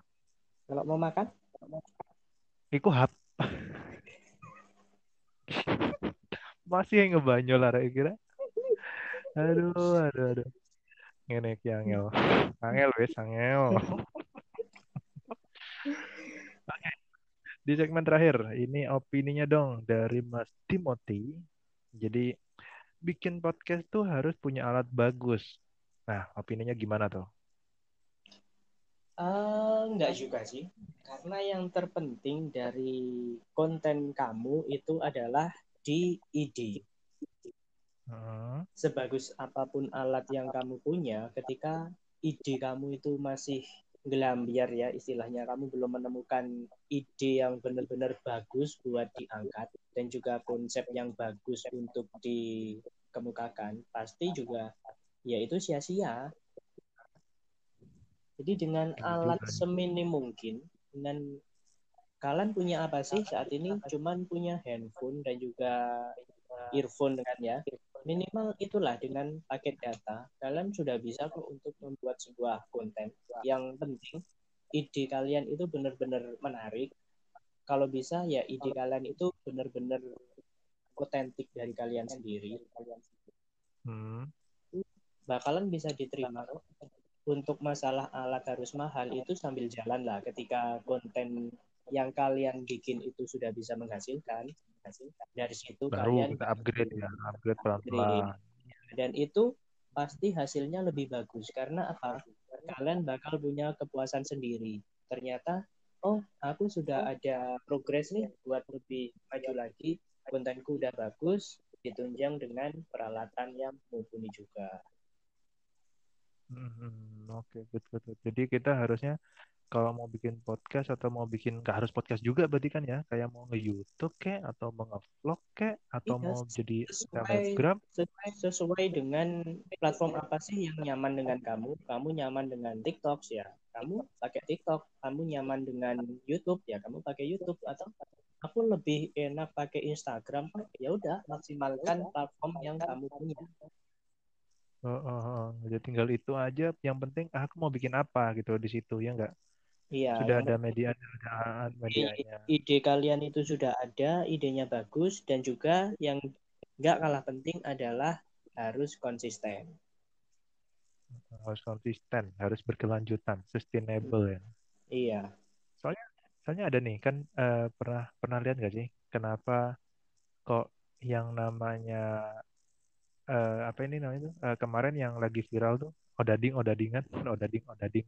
Hmm, odading tuh ternyata odading itu ternyata jajanan jajanan yang umumnya ada di setiap kota. Di Surabaya itu ono. Sampean tahu nggak sebenarnya itu jajan apa kalau di Surabaya? Udading itu kan ini kan eh cakwe kan?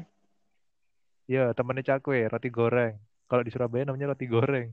Hmm, ya kan sama aja, cuman kalau roti goreng itu kan yang ada gulanya. Kalau cakwe kan yang panjang. cakwe yang asin nah Mm-mm. itu loh itu kan dia awalnya kita nggak kenal siapa sih Mang Ade Londok yang ngeviralin odading rasanya anjing banget jadi Iron Man itu Iya. terus tiba-tiba langsung hype naik nih terkenal gitu loh dia hanya Mm-mm. hanya dari handphone terus eh nge-record gitu doang cuma berapa menit satu menit ya kayaknya cuma satu menit Iya. doang Kan Iya. j- juga Iya. juga simple. Kalau kita kita lihat-lihat lagi secara teknisnya ya, secara teknis alat apa sih yang digunakan? Cuman handphone, cuman dia ngomong di depan handphone sambil menunjukkan ini jualannya dan secara eh, sorry itu saya ya, secara good looking juga biasa-biasa Iya. aja.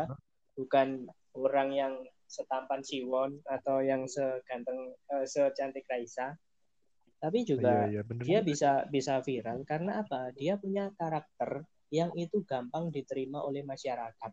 Dia punya bahasa atau dari ucapan dia. Yang menarik kan dari ucapan dia. Cara dia ngomong ah bahasa yang digunakan. Nah karakter itulah iya benar karakter dan cara ngomongnya. Itulah yang jadi point of view-nya dia. Dia nggak peduli tampilanku ganteng apa enggak, nggak peduli. Yang penting dia punya power lebih di bakat dia untuk berbicara. bener bener bener bener. Karakter karakternya dapat terus eh, cara ngomongnya itu merakyat banget. Ya, siapa sih yang gak ngomong kayak gitu? Anjing lo anjing.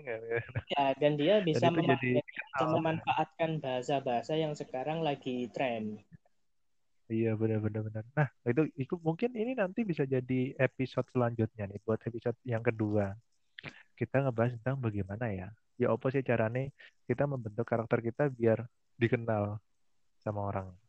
Tadi Iya, kan juga ngebahas kalau sampean Iya. ngomong pas perkenalan kalau kita kenalan pas lagi suatu acara kita kenalin sama orang kan gimana sih kita kenalan? Masa cuman oke kenalin nama aku ini sudah dari ini ya udah. Terus habis itu sibuk dengan HP masing-masing nggak ada poin in- interestnya. Tapi dengan cara jokes mungkin kita bisa dikenal sama orang lain kita ngelontarin guyonan orang bisa kenal oh ini orang yang lawak kemarin guyonan dan ini ini nah itu mungkin kita bikin di episode selanjutnya ya apa bisa ya bisa, bisa. Jadi gimana sih caranya kamu membentuk karakter kamu ketika berkenalan? Ah, ah, sip itu episode selanjutnya episode kedua ya. Jadi nanti kita Oke. nantikan episode keduanya. Tapi ini masalahnya aku repot harus bikin jadwal dulu sama bapak mantan produser TV ini. Jadwalnya kapan bisa di calling ini?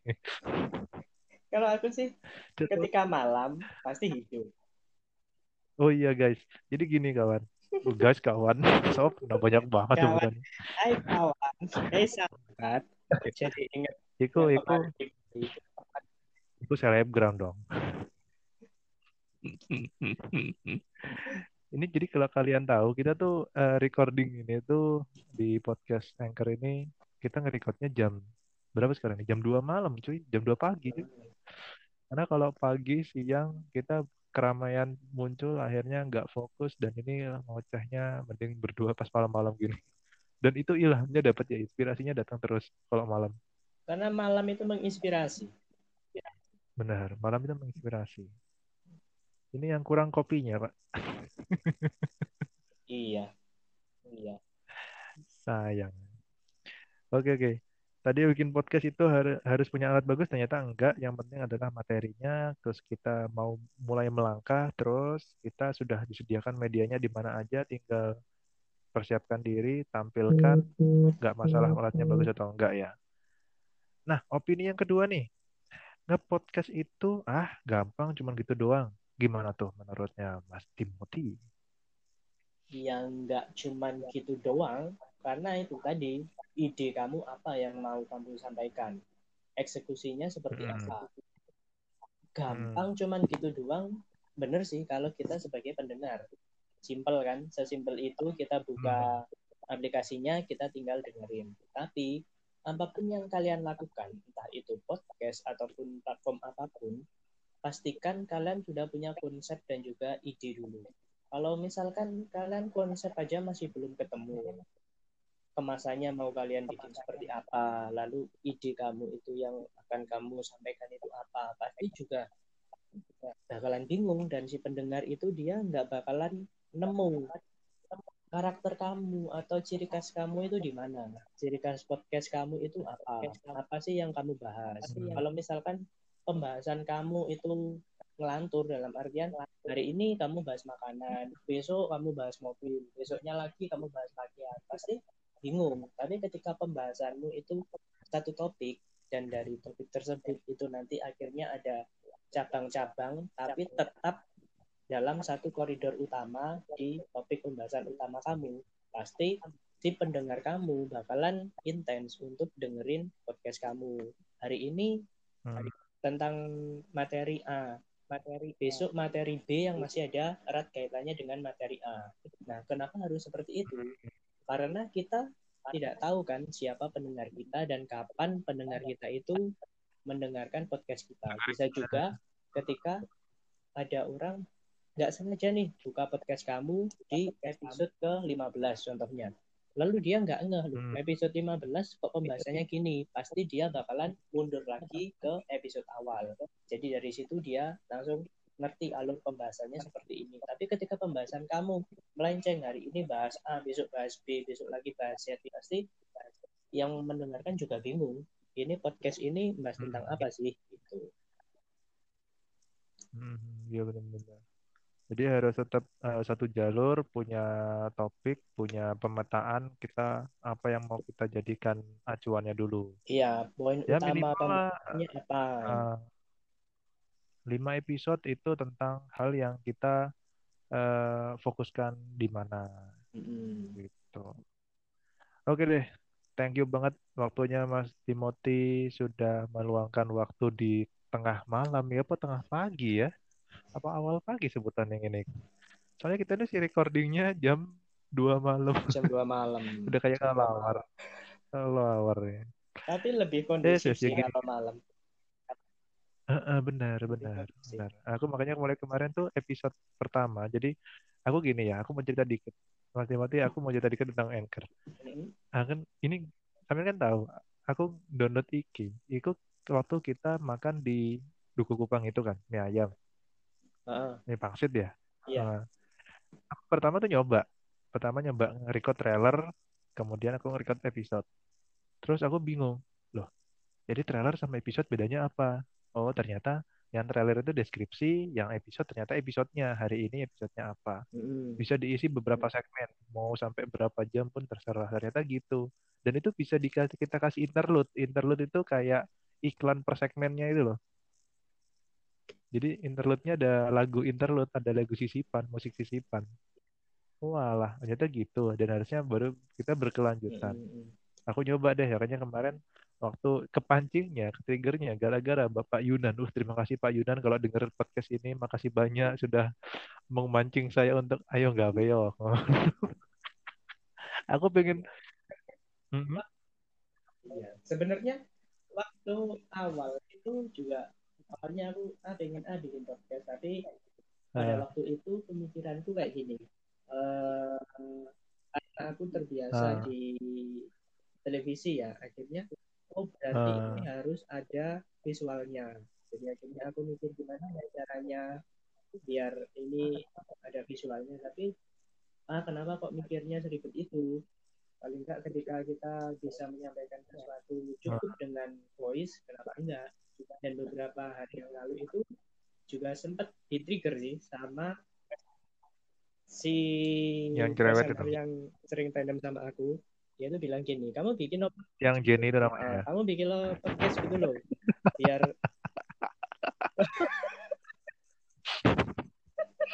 Oh, kesebut ya, bukan ya? Aduh. biar biar biar materi yang pengen kamu sampaikan Hmm. itu bisa langsung dipublish gitu kan terus aku ya sempat debat debat kecil sih debat ya ya debatnya itu gini. Loh tapi kan masih belum siap untuk recording dan lain-lain videonya dan lain-lain. Lalu dia tuh bilang ya gak usah ribet itulah. Yang penting bisa didengar no ya wis. Ya mungkin karena dia kan lebih banyak di jalan kan lebih banyak di mobil. Dan kebiasaannya dia ketika masuk Ah, mobil itu selalu gitu. dengerin radio. Atau mungkin kalau misalkan ada pilihan Iya, lain iya, untuk iya, yang didengarkan Mungkin kenapa itu enggak? sih jawabannya. Akhirnya akhirnya terus oh iya ya Ah. ada platform ini dan kembali lagi ketika aku mau ngobrol sendiri itu kayaknya canggung gitu kan sebenarnya sudah ada untuk ide aku mau bahas tentang apa sih tapi kayaknya agak canggung Ya, menurut kayak ngomong monolog. kayak orang gila ngomong sendiri, Pak ya. karena masih belum iya bukan bukan kayak orang gila kalau monolog itu kan lebih kayak Oke. storytelling Belum belum nemu Nah, kuncinya. belum menemukan belum menemukan gaya- belum menemukan gaya yang sesuai eh, storytelling seperti apa yang sesuai dengan Oh, oh. ide yang akan aku sampaikan. Iya, iya, iya. Kalau aku sih malah ik- bikin eh, podcast anchor ini malah lebih fun sih, karena aku nggak kelihatan fisikku di kamera. Aku saja nih kalau fisik kamera kayak ah nggak ngerti Hmm. dewe waktu pas di playlist itu ngelihat videonya, anjir gila ya aku tuek banget wajahku. Mm. Tapi wah ini kalau aku ngomong tuek lah, aku kerungunya nanti dipikir pendengar aku, oh anjir ini Diwan Bayu udah tua ya berarti. Enggak enggak, aku masih muda, cuman wajahnya aja yang boros. Tapi justru loh, tapi itu mungkin justru Wajah bisa tua. jadi nilai jual tersendiri. Yang Diingat, tua aku ya. Diwan Bayu walah sing iki. Asem. Ya aku lebih feel lebih fun gini sih. Aku bikin nyoba nge-vlog di video YouTube, di YouTube vlogku kan aku bikin, tapi rasanya itu aku harus harus nge-vlog kan otomatis harus ada tempat yang aku tuju, harus ada objek yang aku ri- ceritain. Mau ngangkat satu cerita kayaknya nggak seru juga. Nah, ternyata aku nemu podcast ini. Kemarin aku mikir, coba ah, Mas Dimati bisa nggak ya diajak? Pikir aku ngono. Oh, tas tak Telegram kan, aku Telegram tuh ngomong, aku bikin ini coba sampai download ini coba. Akhirnya kan kita ya inilah ter- tercipta lah podcast ini Dewan Bayu Podcast One Is You ini gitu. Aneh, Hmm, Iya dan juga buat kamu yang sekarang lagi dengerin, misalkan kamu masih belum pede Hmm. untuk on cam gitu kan ya. ini yang salah satu salah satu tipsnya apa triknya ya. di depan publik. Ya salah satu Mm-mm, salah satu sarana buat me- media benar, benar, kalian berlatih ya di sini. Paling enggak kalian berlatih Ngomong. berlatih oh, dulu untuk ngomong seperti apa. Kalian menemukan karakter, oh aku cocok ngomong yang seperti ini. Karena eh, aku punya pengalaman. Biasanya ketika aku on cam itu kan sesuai dengan karakter Iya, program ini seperti apa. Terus program yang aku bawakan seperti apa. Akhirnya mindset yang tertancap di pemirsa Bahwa otomatis oh Timothy itu program Timothy ini. itu ini loh orangnya. Nah, nah ketika ah, nah ketika aku merubah karakterku, contohnya ketika aku bikin IG story, pastinya aku menggunakan bahasa yang senyaman itu kan. Nah di situ responnya berbeda. Ada yang respon, kamu punya masalah apa? Hidupmu nggak apa-apa ta? Lagi yang kok sakit apa? Akhirnya responnya seperti itu. Karena apa? Karakter yang sudah menempel di mereka ketika nonton di TV Setelah bertemu, ini. Tapi Ternyata ketika berubah di media 180 sosial, di derajat. Instagram kok seperti ini. Kok langsung aneh ya, gitu ya itu. Kok Iya, beda loh. Iya kok loh kok langsung iya iya iya berarti sekali. Berarti itu Tapi ya berarti berarti kan itu salah satu nggak berarti apa-apa berhasil sih dong karena sampean itu nunjuk no ke penonton berhasil dong karakter sampean terbentuk seperti ini penonton menangkapnya seperti itu gitu loh iya jadi iya jadi eh ini eh, menariknya di sini. Jadi tentang komunikasi itu dalam artian ini aku Ah, lebih ke verbalnya ya, bukan untuk di tampilan secara visual.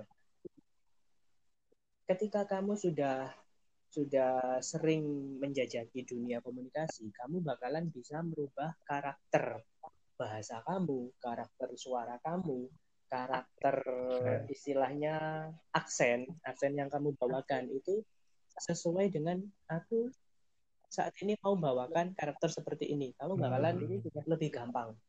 Karena aku sendiri sudah beberapa kali pertama menggunakan aksen yang biasa aku ketika siaran. Responnya seperti itu. Lalu aku menggunakan aksenku sehari-hari. Responnya seperti ini. Lalu aku menggunakan aksen dengan bahasa Surabaya yang biasanya aku ngobrol dengan teman-temanku yang satu komunitas. Itu juga responnya juga bakalan berbeda. Sampai ada yang bilang gini, "Eh, kok niku lho, kok iso lek ngomong iku siji-siji, kadang jadi koyo uang sing dewasa, kadang koyo arek cilik, kadang koyo wong Madura dan Iya, lain-lain. iya, iya. ternyata eh, dan ternyata dari situ eh, komunikasi itu bisa dijadikan sebagai apa ya suatu hal yang menarik untuk dikembangkan Bagaimana untuk dikreasikan kembali lagi seni apa sih yang kita masukkan di situ Hmm. bagaimana kita mengemasnya karena ketika kita ngomong ketika kita berbicara di depan umum kita sesuaikan dengan pasar kita Oke, dengan iya. pendengar kita. Pendengar kita usianya di atas kita berarti kita harus menggunakan bahasa yang sopan. Pendengar kita seumuran ya wes Sesuai bahasa sehari-hari ae karena lebih bisa diterima iya kan? Lebih bisa diterima. Kayak misalkan kita di Surabaya kita di Surabaya kita menggunakan pakem bahasa Indonesia yang baik yang benar sesuai dengan EYD ya diguyu. Ini kalau di Surabaya pasti biasa Surabaya. sehari-harinya madu eh biasa bahasa sehari-harinya Surabaya itu seperti apa? Ya pasti campuran antara bahasa Indonesia dengan bahasa Jawa dengan aksen Surabaya Lolek medok ya apa? Ya Gak masalah. Surabaya. Gak medok ya gak Oke. Nah, kesimpulannya nih semuanya setelah satu jam lebih kita ngobrol. Gak nyampe satu jam sih, cuma lima ya satu jam lah hitung aja. Episode ini itu lumayan panjang. Eh, kesimpulannya apa nih tentang eh, apakah harus kita beralih ke dunia digital terus kita kreatif di sana atau nggak hanya di dunia kreatif digital aja atau kesimpulan lain tentang komunikasi itu ternyata salah satu bentuk kesenian baru atau gimana tuh? Serah deh kesimpulannya gimana tuh. Kita dengarkan kesimpulan dari Hmm. Bapak produs mantan produser Ya. TV di kota Surabaya. Oke. Kesimpulan dari aku, digitalisasi itu pasti. Tinggal kamu mau mengikuti atau kamu mau stuck aja atau kamu mau berkembang. Ketika kamu mau berkembang, berarti kamu harus mengikuti kemajuan dari digitalisasi tersebut. Gunakan platform digital yang saat ini disediakan, berlatihlah di situ, pelajari semua hal-hal yang baru, dan juga dari situ kamu bisa Hmm. mengembangkan skill kamu. Dan juga ingat, kamu harus menemukan karakter kamu. Dan apakah komunikasi itu menjadi sebuah hal atau kesenian baru? Komunikasi itu adalah poin utama. Dalam artian itu adalah fondasi. Fondasi orang untuk bisa survive dan orang bisa hidup. Karena apa? Tanpa komunikasi, orang bakalan mati. Nah, komunikasi itu berkembang seiring perkembangan teknologi dan juga perkembangan zaman. Kalau dulu awalnya orang berkomunikasi hanya dengan gambar di gua, lalu dengan gerakan tangan, dengan bahasa, mulai bertutur kata. Lalu meningkat lagi, sudah ditemukan huruf. Akhirnya orang berkomunikasi dengan tulisan. dikembangkan lagi, ditemukan telepon. Orang bisa berkomunikasi melalui suara antar wilayah. Dan sekarang komunikasi juga berkembang lagi. Orang bisa berkomunikasi tidak hanya menggunakan audiovisual tatap muka, bisa menggunakan platform jaringan internet sekarang sudah hampir merata ke seluruh penjuru daerah. Kita bisa berkomunikasi dengan siapa pun, kita bisa mempelajari hal-hal yang baru, khususnya di Indonesia sendiri kita mempunyai beribu bahasa daerah dan juga komunikasi bahasa yang digunakan di setiap daerah. Kita bisa mempelajari. Kalau sebelumnya kita mungkin hanya bisa bahasa Indonesia, bahasa Jawa, bahasa Inggris. Sekarang melalui media internet pun kita bisa belajar bahasa Mandarin contohnya, atau bahasa Jepang contohnya. Orang yang suka nonton drama Korea mereka hanya nonton drama Korea akhirnya bisa berbahasa Korea. Nggak sedikit juga teman-temanku yang dia itu uh, drakor bahasa Korea? Akhirnya dia bisa berbahasa Jepang. Dari drakor Jepang? Uh, bahasa Korea. Dan ketika ketika dulu aku uh, waktu sekolah itu suka dengan anime-anime Jepang kan. Akhirnya Jepang. sedikit banyak aku bisa tahu ketika orang ngomong Jepang, oh artinya ini. Karena bahasa Jepang itu tidak serumit seperti bahasa Inggris. Bahasa Jepang itu hanya apa ya? Uh, perbedaan pengucapan di kamu, dia, mereka gitu aja. Tapi untuk pakem bahasanya masih sama. Itu lebih gampang untuk dipelajari dan aku mempelajari itu karena sering nonton anime. Apalagi sekarang perkembangan digital udah semaju ini sebesar ini kalian bakalan ketinggalan kalau kalian cuman duduk diem hanya sebagai pendengar hanya sebagai penonton. Paling enggak sekarang saatnya kenapa kalian cuma jadi penonton? Kenapa kalian tidak berusaha oh, untuk okay. jadi yang ditonton? banget. Giliran kita yang untuk maju ya berarti ya Oke, okay, iya. thank you banget Mas Timothy, sang mantan produser TV hmm, Kota Surabaya. Ngomongin. Oke, okay, semoga apa yang aku celotehkan di sini itu bisa menginspirasi kamu semua yang sekarang lagi dengerin, biar kalian yeah, terbuka yeah, lah yeah. wawasannya. Buat mereka-mereka juga mulai, yang ini ya, mereka-mereka yang masih terjebak dalam dunia kerja yang terbatas waktu dan ruang itu mungkin bisa tercerahkan juga ya. Iya, benar. Apalagi hmm. kondisi seperti sekarang ini kan, semuanya dalam kondisi sama. Entah kamu punya uang, entah kamu gak punya uang, entah kamu mempunyai jabatan tinggi, entah kamu gak punya jabatan, entah kamu punya perusahaan atau kamu yang sedang merintis, kondisinya sekarang sama. Hmm. Semua sama-sama tiarap. Nah, sekarang ini adalah waktu yang tepat buat kamu ketika kamu mau mengawali sebuah usaha yang kamu kerjakan sendiri. Karena apa? Ketika nanti kondisi ini sudah selesai dan pintu sudah mulai dibuka, mereka semua sudah lari.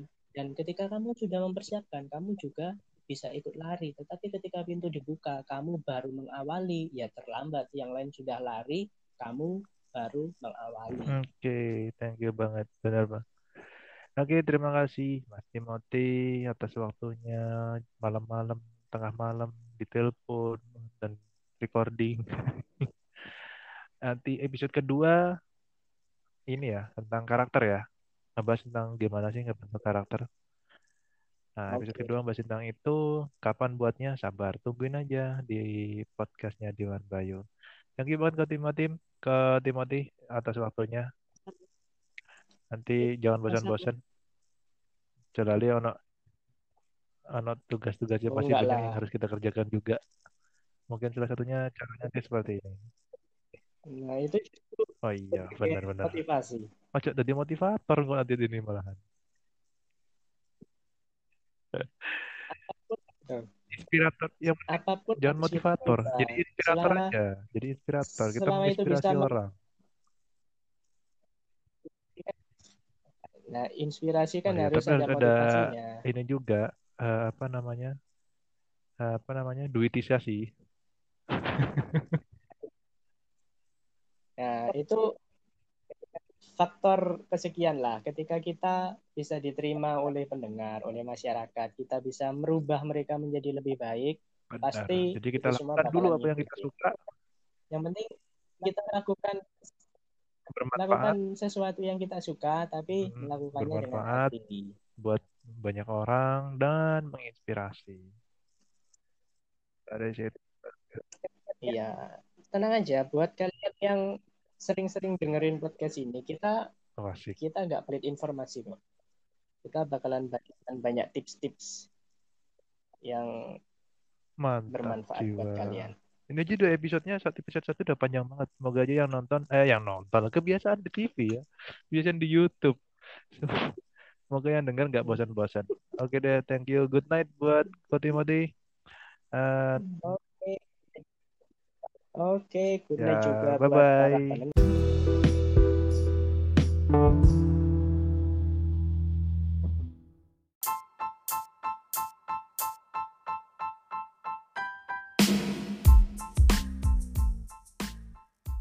Nah, itu tadi obrolan malam sing nggak singkat ya obrolan panjang juga bareng temanku namanya Mas Timothy. Aku biasanya manggilnya kok Timothy sih. Apa tentang podcast? Kenapa sih kok podcast? Terus bicara tentang komunikasi, berbicara itu apa bedanya dengan ngomong? Ternyata banyak banget ya hasilnya, banyak banget yang kita ketahui, banyak juga yang aku pelajari ada komunikasi itu nggak cuman ngomong karena kom- ngomong itu ya wes cuma sebatas ngomong tapi kalau bicara itu bukan sekedar ngomong nah banyak banget dah terus ada inspirasi dari Mas Timothy juga tadi tentang tentang pengalaman dia kerja di dunia media terus eh, kerja di dunia yang tentang komunikasi juga. Eh, banyak banget ya pengalamannya. Terus bagaimana tentang ekspektasi dan realitanya. Udahlah pokoknya terima kasih buat kalian yang udah dengerin podcast ini. Terima kasih buat kalian yang sudah klik tuh uh, add to favorit juga channel in, channel podcast ini ya. Yang penting aku ingatkan uh, karena ini masa pandemi jaga kesehatan makan enak multivitaminnya jangan lupa cukupkan istirahat jangan terlalu capek. Kalau bisa menghindari kerumunan ya hindari kerumunan dan jangan lupa pakai masker. Cuci tangan jaga kebersihan juga. Keep healthy keep safe and see ya sampai jumpa di episode selanjutnya episode kedua. Bareng sama aku Diwan Bayu di Diwan Bayu Podcast. One is You